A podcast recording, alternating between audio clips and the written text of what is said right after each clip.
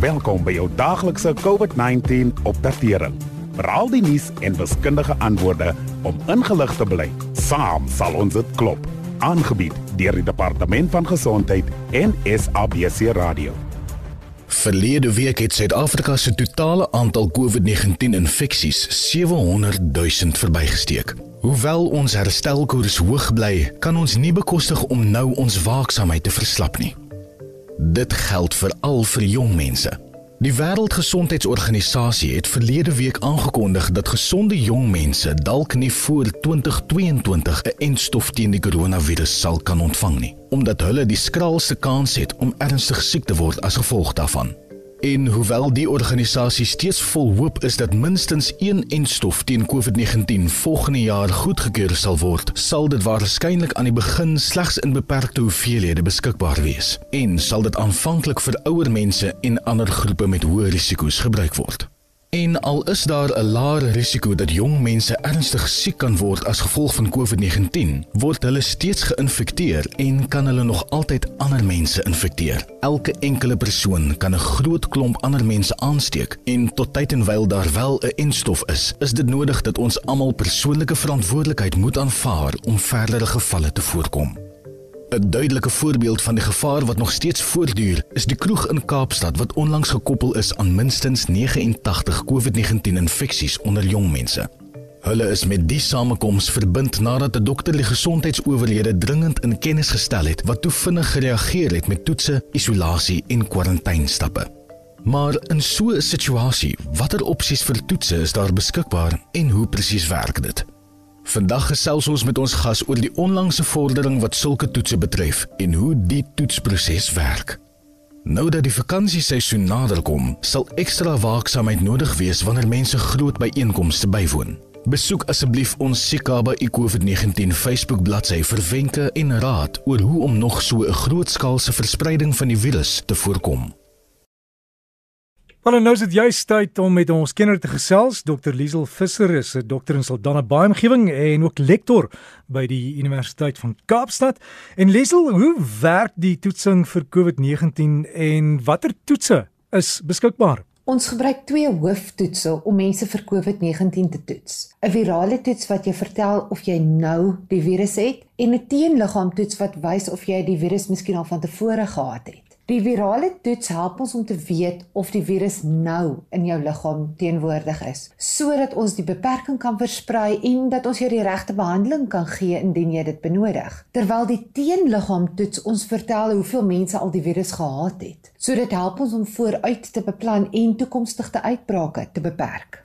Nou kom ons gesels dan eersins oor die virale toets. Hoe werk dit?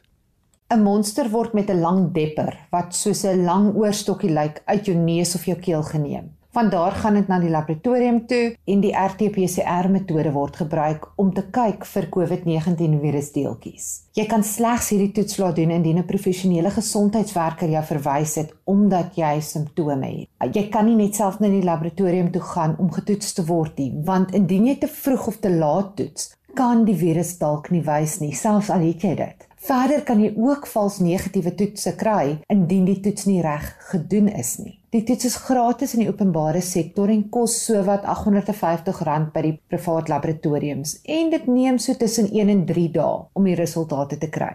Die minister van gesondheid baseer ook ons daaglikse COVID-19 gevalle syfers op hierdie toetse. Wat is die sneltoetsing waarvan ons onlangs in die nuus gehoor het?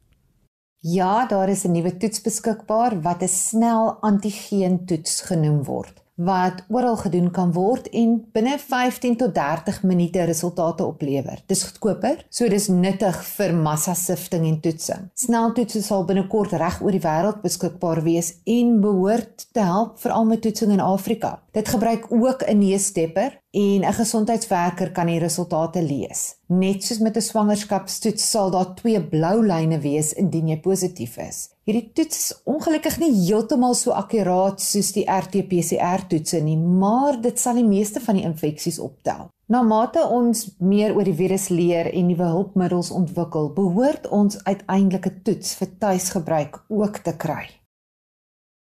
En dan is daar die teenliggaam toets. Liesel, hoe werk daai een? Jy ontwikkel teenliggaampies wanneer jy 'n spesifieke infeksie beveg en dit gee jou immuniteit teen daardie siekte. So hierdie bloedtoets kyk slegs vir COVID-19 teenliggaampies wat daar sal wees indien jy die virus gehad het. Die toets kan egter nie bepaal of jy op die oomblik die virus het nie, aangesien dit 'n week of langer kan neem nadat jy COVID-19 gekry het vir jou liggaam om genoegsame teenliggaampies te maak vir ons om dit in die bloed op te tel. Waar die toets vir die teenliggaampies wel baie kan help, is vir mense wat geen simptome toon nie en die wat nie eers geweet het dat hulle COVID-19 gehad het nie. Party studies toon dat meer as 4 uit elke 10 Suid-Afrikaners moontlik reeds teenliggaampies kan hê. Dit beteken dat miljoene Suid-Afrikaners kon al COVID-19 gehad het sonder dat hulle dit enigsins geweet het. Liggame skole en kantore en winkels, hulle neem mense se temperatuur, maar help dit regtig om vir COVID te sif? 'n Algemene simptoom van COVID-19 is 'n temperatuur van 38 grade of meer. So dis 'n nuttige siftingstoets om iemand te identifiseer wat 'n temperatuur het en hulle te laat isoleer sodat 'n mens kan uitwerk wat is die rede dat hulle hierdie koors het. Maar termometers is ook nie altyd akkuraat nie. Infrarooi termometers meet die oppervlakstemperatuur van die vel. So as jy lank aan koue of hitte blootgestel was of jy het geoefen of baie warm klere aan, um, kan dit vals lees. Termometers moet ook reg gebruik word op die regte afstand vanaf die voorkop of die pols gehou word. Ek het al baie lesings van 32 of 33 grade gesien wat beteken dat die persoon al dood moet wees. En onthou die normale liggaamstemperatuur vir 'n volwassene wissel tussen 36.1 grade en 37.2 grade Celsius. Om mense se temperatuur na te gaan is nuttig. Dit dien as 'n handige sifting, maar ons kan nie daarop alleen vertrou om ons te beskerm nie. So ons beste beskerming bly steeds om 'n masker te dra, om ons hande te was en om ons afstand van mekaar af te hou. Sy antwoorde en wyse antwoorde daarvan ons gas vandag Dr Liesel Visser baie dankie daarvoor. En die ontwikkelings en toetsing sal beslis help om die verspreiding van COVID te bestuur en te beheer. So dankie vir al die inligting. En onthou ons gaan ook môre verder aan met ons bespreking en ons bespreek dan die 2021 se skool en universiteitskalender en wat daar gaan gebeur. Dankie dat u geluister het na die daglikse COVID-19 inligtingstuk aangebied deur die Departement van Gesondheid en SABC Radio in samewerking met die Solidariteitsfonds. Wees veilig, bly gesond. Saam sal ons dit klop. Suid-Afrika.